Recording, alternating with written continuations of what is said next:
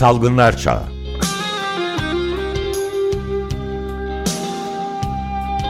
Pandemide Sağlık.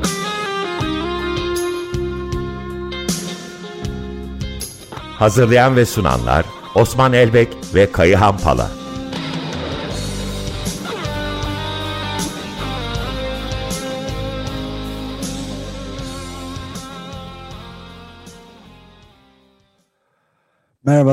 Osman Elbek ve Kayan Pala hoş geldiniz. Yeni programımız hayırlı olsun. Günaydınlar Ömer Bey. Merhabalar, hoş geldiniz. Merhabalar, günaydın. Evet, bugün e, neyle başlıyoruz? Halk sağlığı açısından bir kapanmalara bakalım diyorduk galiba değil mi? Evet aslında hani bu programda biz biraz e, Türkiye ölçeğinde COVID-19 pandemisinin gidişatını, oraya uygulanan politikaları, e, birazcık da sağlığın kötüye kullanımını aslında tartışmak istiyorduk. Hem sağlıklı bir hayat hem demokratik bir hayat için sağlığın olumlu ve olumsuz kullanım alanlarına bakmak istedik. E, genel olarak da biraz Türkiye'ye e, projeksiyon yapmaya çalışacağız. E, isterseniz Kayahan Hoca ile birlikte başlayalım. Hani bir halk sağlığı açısından fiziki hareket kısıtlaması, kilitlenme, kapanma ne anlama gelir? E, ne dersin Kayahan? E, öncelikle günaydın. Bu ilk programda açıkçası biraz da heyecanlıyım. Radyo deneyimim pek yok ama sorunu yanıtlamaya çalışayım. Şöyle ki bir bulaşıcı hastalık söz konusu olduğunda bu hastalığa karşı eğer bir ilaçla tedavi de mümkün değilse iki temel araçla müdahale edilir. Bunlardan bir tanesi yaygın bir aşılamadır. Ne ki şu anda elimizde dünya için konuşuyorum. Bu hastalığa karşı etkinliği yüksek aşılar var. Ancak senin sorun ağırlıklı olarak diğer halk sağlığı önlemleriyle ilgili. O zaman da biz o hastalığın bir insandan diğerine bulaşmasını önlemek için toplumsal hareketliliğin azaltılması adı altında bir takım halk sağlığı önlemleri öneririz. Dünya aşı henüz bulunmadan önce toplumsal hareketliği azaltarak bu hastalığın üstesinden gelmeyi bir başka deyişle büyük ölçüde kontrol almayı, altına almayı başarmış ülke örneklerini ortaya koydu. Yani işte e, Güney Kore'den, Vietnam'dan, e, Yeni Zelanda'dan filan söz ediyorum. Bu ülkelerin sayısı fazla değil. Ama eğer istenirse halk sağlığı bakış açısıyla salgınla mücadele etmek bir hükümet politikası haline gelirse bunun başarılabileceğine ilişkin güzel örnekleri dünyanın önüne koydular. Burada amaçlanan bir kişi virüsle karşılaşınca o virüsün o kişideki bulaştırıcılık süresi boyunca bir başka kişiyle temasının kesilerek hastalığın yaygınlaşmasının önüne geçmek. Üzülerek söylemek gerekir ki Osman Türkiye bu yaklaşımı başından beri benimsemiş değil. Bugüne kadar gerçek anlamda bir toplumsal hareketliliğin azaltılması girişimiyle karşılaşabilmiş değiliz. Kısmi olarak bazı girişimler oldu ama özellikle tırnak içinde söylüyorum. Çarklar dönsün yaklaşımıyla emekçilerin herhangi bir şekilde bu sürecin içine katılmaması nedeniyle çok da fazla biz toplumsal hareketliği azaltabilecek bir yaklaşım hayata geçirmedik. Zaman zaman adına yarı kapanma, tam kapanma dendi. Örneğin son gündeme getirilen bugün 6. gününde olduğumuz 6. günü bitmiş olan tam kapanma adlı girişim aslında bir tam kapanma falan değil. 16 milyondan fazla emekçinin çalışmak zorunda kaldığı bir e, tam kapanma adının gerçek anlamda bir toplumsal hareketliği azaltmaması e, azaltması beklenmemeli. Dolayısıyla bu iki etkili yöntem yani aşılama oranının artırılması ve toplumsal hareketliğin azaltılması bir arada uygulanmadığı müddetçe biraz işimiz zor gibi görünüyor. Sevgili ya, bu, bir şey, buyurun Ömer Bey. Pardon. Ee, yani e, hem aşıda da bir gecikmeler olduğu konusunda ciddi e, sorunlar vardı. Birazdan konuşuyoruz herhalde söylersiniz. Bir de e, Kayan Pala'nın belirttiği nokta çok e, benim her gün söylemeye çalıştığım bir şey. Bulunduğum noktadan e, Türkiye'nin Boğaz Köprüsü'nü görebiliyorum. En büyük köprülerinden biri trafiği ve tam kapanmanın e, sözünü edildiği bir sırada benim hesap ettiğime göre dakikada iki kıta arasında en az 60 araç e, geçiyor her dakikada. Bu muazzam bir rakam yani 80 bin, 90 bin iki taraflı araç, otomobiller, motosikletler, kamyonlar, otobüsler geçtiği anlamına geliyor. Bunun nasıl bir kapanma olacağını da e, insan anlayamıyor doğrusu. Ömer Bey bu aslında virüsün taşındığı anlamına geliyor. Kapanma değil. Yani hem Boğaz Köprüsü'nden karşıya taşıyoruz hem de bu tırnak içinde söylüyorum tatil algısı ile tatil yerlerine Anadolu'ya taşıyoruz. Bir süre sonra onlar tekrar İstanbul'a geri dönecekler. Evet maalesef. Biz biliyoruz ki yani e, sevgili Kayan dediği gibi 16 milyon emekçi bu kapanma denilen kavramın dışında 6 milyonu da kısmi olarak dışında aslında her beş e, çalışandan biri e, bu kapanma denilen kavramın içerisinde. E, bir de kapanmanın hayata geçirildiği ilk günlerde e, Bolu Tüneli'nden iki günde 100 binden fazla aracın geçtiğini biliyoruz. O gün itibariyle Türkiye'de İstanbul'da en azından 100 kişinin birinde e, COVID-19 virüsü olduğunu e, dikkate alırsak e, Anadolu'ya İstanbul'dan bir Covid göçü olduğunu söyleyebilir miyiz sevgili Kayan? Bir de sokağa çıkma yasağı diye bir tanım var mıdır halk sağlığında e, bir salgın pandemisine önlemek açısından? Osman önce ikinci soruya yanıt vereyim. Sokağa çıkmak diye bir yasağı diye bir kavram olamaz yani. Bunun salgın bilimiyle hiç ilgisi yok. Salgın biliminde bizim klasik olarak söylediğimiz eğer bir kişinin kesin olarak hastalığı saptadıysanız onu izole edeceksiniz. Eğer o kişinin temaslı olduğunu bildiğiniz kuşkulu insanlar varsa da onları da karantina altına alacaksınız.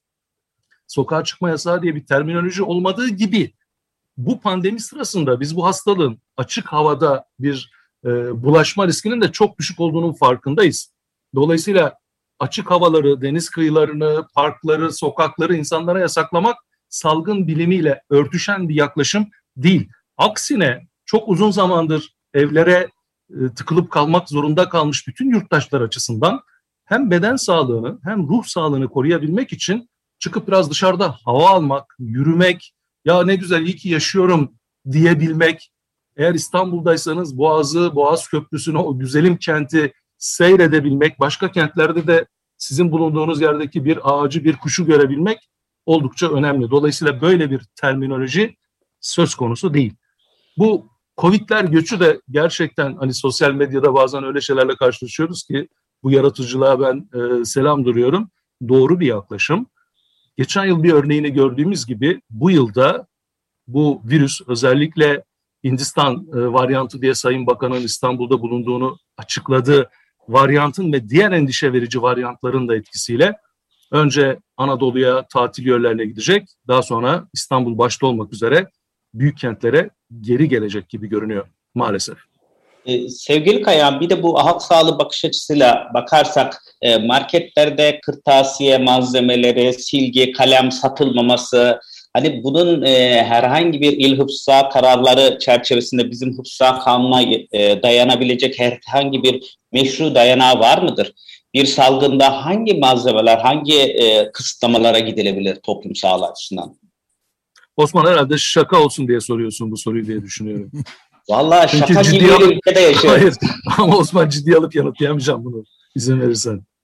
Ne, ne yazık Çünkü gerçekten ilgisi yok. Evet ama Türkiye'nin geldiği alan aslında sağlığın çok kötüye kullanımına iyi bir örnek. Totaliter ülkelerin tümü sağlığı, toplum ve birey sağlığını gerekçe ederek veya bahane ederek aslında ülkeleri daha totaliterleştirme konusunda e, istedikleri adımları atıyorlar. E, ve Covid-19 bu anlamda da adeta bir lütuf sunuyor Türkiye'ye. E, Çok haklısın. Burada şunu söylemek gerekir. Biz bakın kapalı ortamları olabildiğince az kullanalım diye bir yaklaşımı gündeme getirmeye çalışıyoruz. Çünkü virüs kapalı ortamlarda, çok sayıda insanı bulunduğu ortamlarda, iyi havalandırılamayan ortamlarda hızlı bulaşıyor. Buradaki temel meselenin o kapalı ortamların daha az kullanılmasına dönük düzenlemeler olması gerekirken salgınla ilgisi olmayan bir takım kısıtlamaların yine 1930 yılında yasalaşmış Umumi Hıfzı Sağ Kanunu'na dayandırılarak gündeme getirilmeye çalışılması gerçekten salgın bilimiyle ilişkili bir şey değil. Ben hayretle o Umumi Hıfzı Sağ Kanunu kararlarının altına imza koyanlara bakıyorum. Gerçekten bu tarih önünde e, epeyce tartışılacak bir kavram olarak karşımızda duruyor. Ee, senin cümlelerinden aklıma Çanakkale Dardanel fabrikası geldi, Vestel fabrikaları geldi, orada çalışma e, koşulları geldi. E, orada kapalı ortamlarda e, çalışanların, emekçilerin yan yana çalışmasında hiçbir mahsur görmezken Çanakkale'de sahil kordonunu COVID-19 uygulamaları çerçevesinde e, yaya trafiğine kapatmak ve iki kişiden fazla insanları kordona almamak e, gerçekten trajikomik e, Türkiye manzaralarından biri herhalde. Çok haklısın. Yani örneğin batıda da uygulanan işte 10 kişiden daha az insanın bir araya gelmesi gibi bir uygulama anlaşılabilir. Ama açık ortamların insanlara yasaklanması gerçekten açıklanamaz. Bu salgın bilimiyle, epidemiyolojiyle uzaktan yakından ilgisi olan bir düzenleme değil. Yani yaş meselesinin kısıtlanmasında da bir tuhaflık e, öteden beri e, yok mu diye düşünüyorum ben şahsen. Değil mi? Belli yaşların e, olmayacağı gibi bir anlayış mı var burada? Nasıl yorumlayacağız? Ömer Bey şöyle yorumlamak lazım. Bu hastalık sırasında daha en başından beri anlaşıldı ki 60 yaşın üstündeki insanlar risk grubunda yer alıyorlar. Dolayısıyla evet. 60 yaşın üstündekiler hastalandıklarında hastalığı daha ağır geçirdikleri ve yaşamını yitirme riskleri daha yüksek oldukları için onları korumamız gerekir. Ancak onları korumak demek eve hapsetmek demek değil. Çünkü bir yanıyla biz insanları virüsten korurken diğer yanıyla onları bedensel ve ruhsal sorunlarla karşı karşıya bırakmamak zorundayız. Çünkü sağlık bir bütün.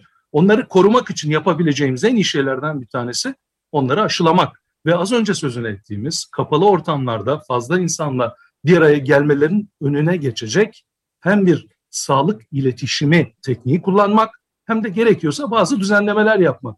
Bunun dışında onları evde kalmaya zorlayan, onların kamu araçlarından kullanılma, e, kullanmalarını kısıtlayan yaklaşımlar yine doğru ve gerçekçi değil. Dünyada örneği yok. Üstelik Türkiye'de uzun zaman 65 yaşın üstündeki yurttaşlarımızı evde kalmak zorunda bırakan uygulamanın bir olumlu sonuç doğurduğuna ilişkin bilimsel bir rapor, bilimsel bir araştırma sonucu da yok. Evet. Ve bu grubu en fazla aşılamışken. Evet. Aslında aşılananlar aşısında en yüksek grubun 65 yaş üstü olduğunu bilirken. Evet bunu Sayın Badur'la da sık sık konuşma fırsatımız oluyordu, oluyordu ve oluyor. Yani bir tutarsızlık göze çarpıyor burada değil mi? E, Türkiye'nin aslında salgın politikası sürecin başından itibaren tutarsızlıklar, e, keyfiyetler ve günlük politikalar olarak şekilleniyor. Bir öngörü, bir projeksiyon dahilinde yürüyen değil.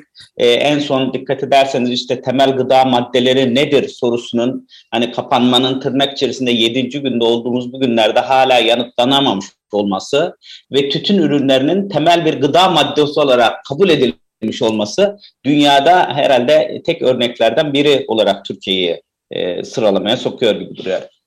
E, belki hani buradan devam edersek e, Türkiye'de e, dün akşam Sayın Bakan'ın açıklamalarıyla birlikte belirgin bir müjdeler de veriliyor.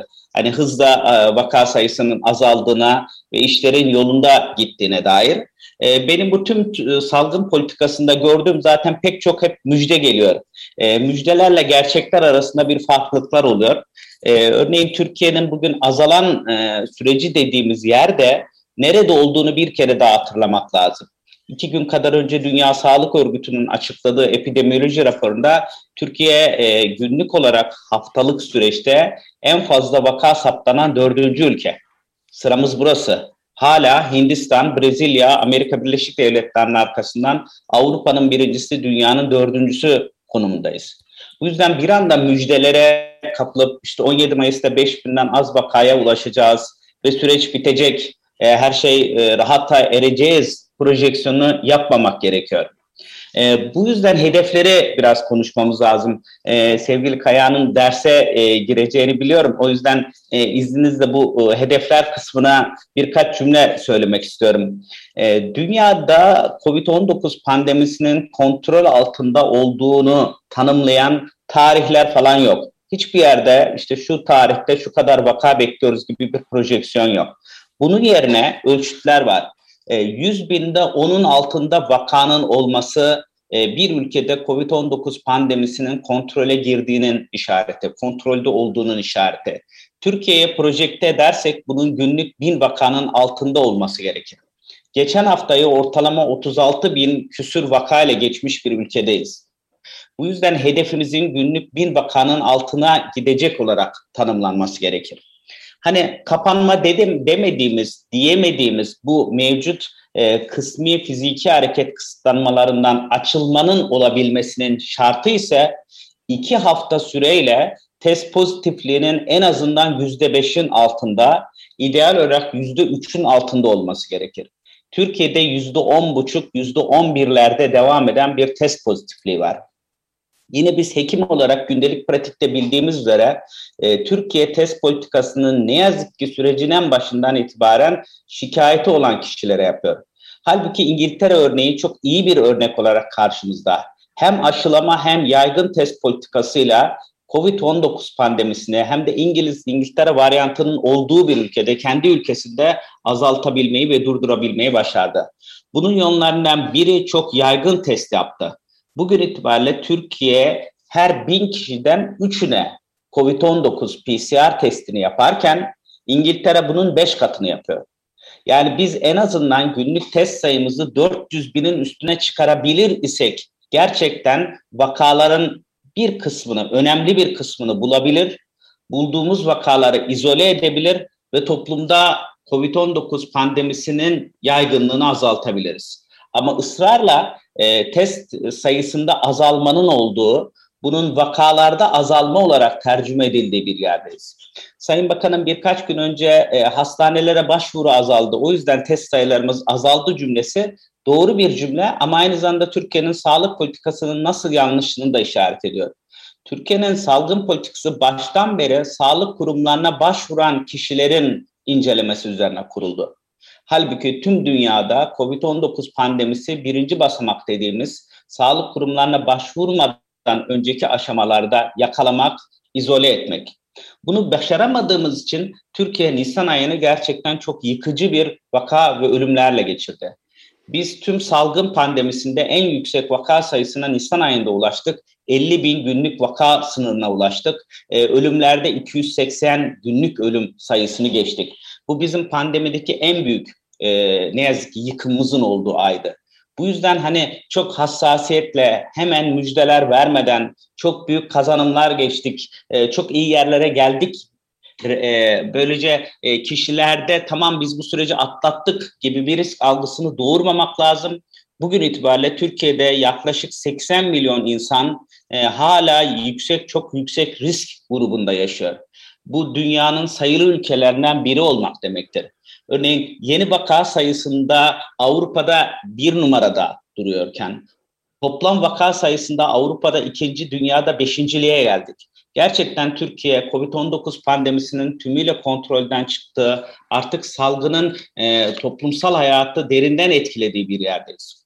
İşin zor tarafı örneğin esnaf intiharlarına burada dikkat çekmek lazım. Evet, bu, çok bu kadar bu kadar yaygın hastalığa rağmen Ömer Bey hani e, nakdi gelir desteğinde gelişmekte olan ülkeler Türkiye'yi gelişmekte olan bir ülke olarak kabul edersek gayri safi yurt içi hasılarının yüzde dördünü nakdi desteğe e, ayırıyorlar. Çünkü gerçekten kiraların ödenmesi, eve ekmeklerin götürülmesi çok kritik bir şey. E, kapanmanın en önemli kısa dönemdeki yan etkisinin e, ekonomik gelir üzerinde olduğunu biliyoruz. Türkiye gayri safi yurt içi hasılasının yüzde 1.1'ini ayırıyor nakdi gelir desteğine ve Meksika'dan sonra gelişmekte olan ülkeler arasında en kötü konumdayız. Bu yüzden hani e, kapanmaları daha etkili hale getirirken nakdi gelir desteğini sağlığın bir bütüncül olarak bakabilmek zorundayız. Ve mutlak ve mutlak aşılanmayı sormuştunuz. Aşılanma hızımızı arttırmamız lazım. Evet yani e, Türkiye'nin ayrıca e, bu şey vaka sayısında azalma olduğunu söylüyor Sayın Bakan. Öte yandan e, vefat sayısında gene e, ciddi bir yükselme olduğu daha dün itibariyle son verilen rakamlarda da e, göze çarpıyor. Bir de böyle e, kaygı verici ve, başka durumlar var rakamlar. Evet. Yani. Ve Türkiye'de vefat sayıların özellikle yoğun bakımda 20 günden sonra kaybedilen COVID hastaları için COVID olarak geçmediğini, COVID testi negatifleşenlerin yine temel ölüm nedenlerinin COVID olarak işaretlenmediğini, o yüzden resmi vaka sayılarının aslında 2-3 katının bilimsel olarak da ortaya kondu ki 100 binin üstünde yurttaşımızı COVID-19 nedeniyle kaybettik. E, ama buna karşı e, en önemli çözüm olanlarından biri olabilecek aşılanmada ise çok çok yavaş gidiyoruz. Günlük 120 bin doz aşı yapabiliyoruz. Eğer bu hızla devam edersek Ağustos 2022'de biz ancak Türkiye'nin %75'ini aşılayabilecek durumdayız. Ee, Peki bir, sizce bir, e, özür dilerim bu neden böyle yavaş ilerliyor? Yani günde bir buçuk milyon potansiyelimiz var demişti Sağlık Bakanı. Nerede sorun yaşanıyor şu anda? Çok net aşımız yok. Çünkü aşılar konusunda sürecin en başından itibaren Türkiye yanlış bir politika izleyerek kendisini kendisini tek bir aşıya mahkum etti. Koronavak aşısı kötü bir aşıdır hiç demiyorum. Tüm aşılar bugün itibariyle Dünya Sağlık Örgütü'nün o sınır değerlerinin üstünde, %50'nin üstünde etkili. Ama tüm dünya aşıyı çeşitlendirirken olası tek bir hani tabiri caizse tek bir sepete tüm yumurtalarını koymazken e, Türkiye çok uzun bir süre hem de çok talihsiz beyanlarla hatırlarsanız ben halkım için en güvenilir aşıyı seçtim deyip diğer aşılara bir tür güvensizlik yaratarak tek bir aşıya bağlandı. Çin devleti de bugün itibariyle aşının en azından bakan açıklamasına göre e, sevkine izin vermiyor. Türkiye'nin altyapısı aşılama kapasitesini gerçekten çok üst düzeye çevirecek düzeyde. Sağlık çalışanları olarak biz aşıya inanan insanlarız ama elimizde aşı yok. Temel sorunumuz bu. O yüzden dünyada nüfusa oranla aşılama açısından Türkiye 11. sıraya düştü. E, bu aşılamada e, Amerika, e, şey, Avrupa'nın kimi ülkeleri ki Birleşik Krallık çok öncesinde bizden iyiydi ama Almanya ama Almanya Almanya bir Almanya bir gün ne yazık ki. Evet. Evet. Galiba e, bu ilk programında e, sonuna geliyoruz. Bir e, e, parçamız var galiba değil mi Osman Elbek? Evet, e, istedik ki ki e, Twitter'daki e, duyurumuzdan sonra birkaç istek bu yönde geldi. Her bir e, programın sonunda e, ben veya Kaya'nın seçtiği bir parçayla e, bitirelim. E, bu Harika. ilk programın seçimi benden olsun dedim. E, hayat iyidir. Yani tüm e, Covid-19 gibi bir musibetini kar, e, tartışıyor olsak bile hayat var oldukça, nefes aldıkça, başka bir dünyaya inandıkça ve direnmeye devam ettikçe yaşam daha güzelleşecek. O yüzden teşekkürler hayat demek istiyorum. Ee, çok e, öğrendim ki bu e, şarkıyı birkaç zaman önce sevgili Osman Kavala da istemiş. Buradan da e, onun kulaklarını çınlatarak, dostluk mesajları vererek e, teşekkürler hayat demek istiyorum. Ee, çok teşekkürler. Onu çalarak e, bugünkü ilk programımızı da sona erdiriyoruz. Osman Elbek ve Kayahan Pala ayrılmak zorunda kaldı dersi için. Ve erken ayrılmak zorunda kaldı. Bu parçayla bitiriyoruz. Çok teşekkür ederiz. Görüşmek üzere. Teşekkür ederiz.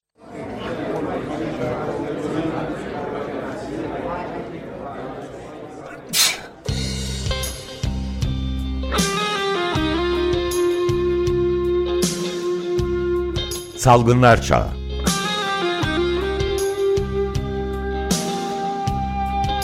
Pandemide Sağlık.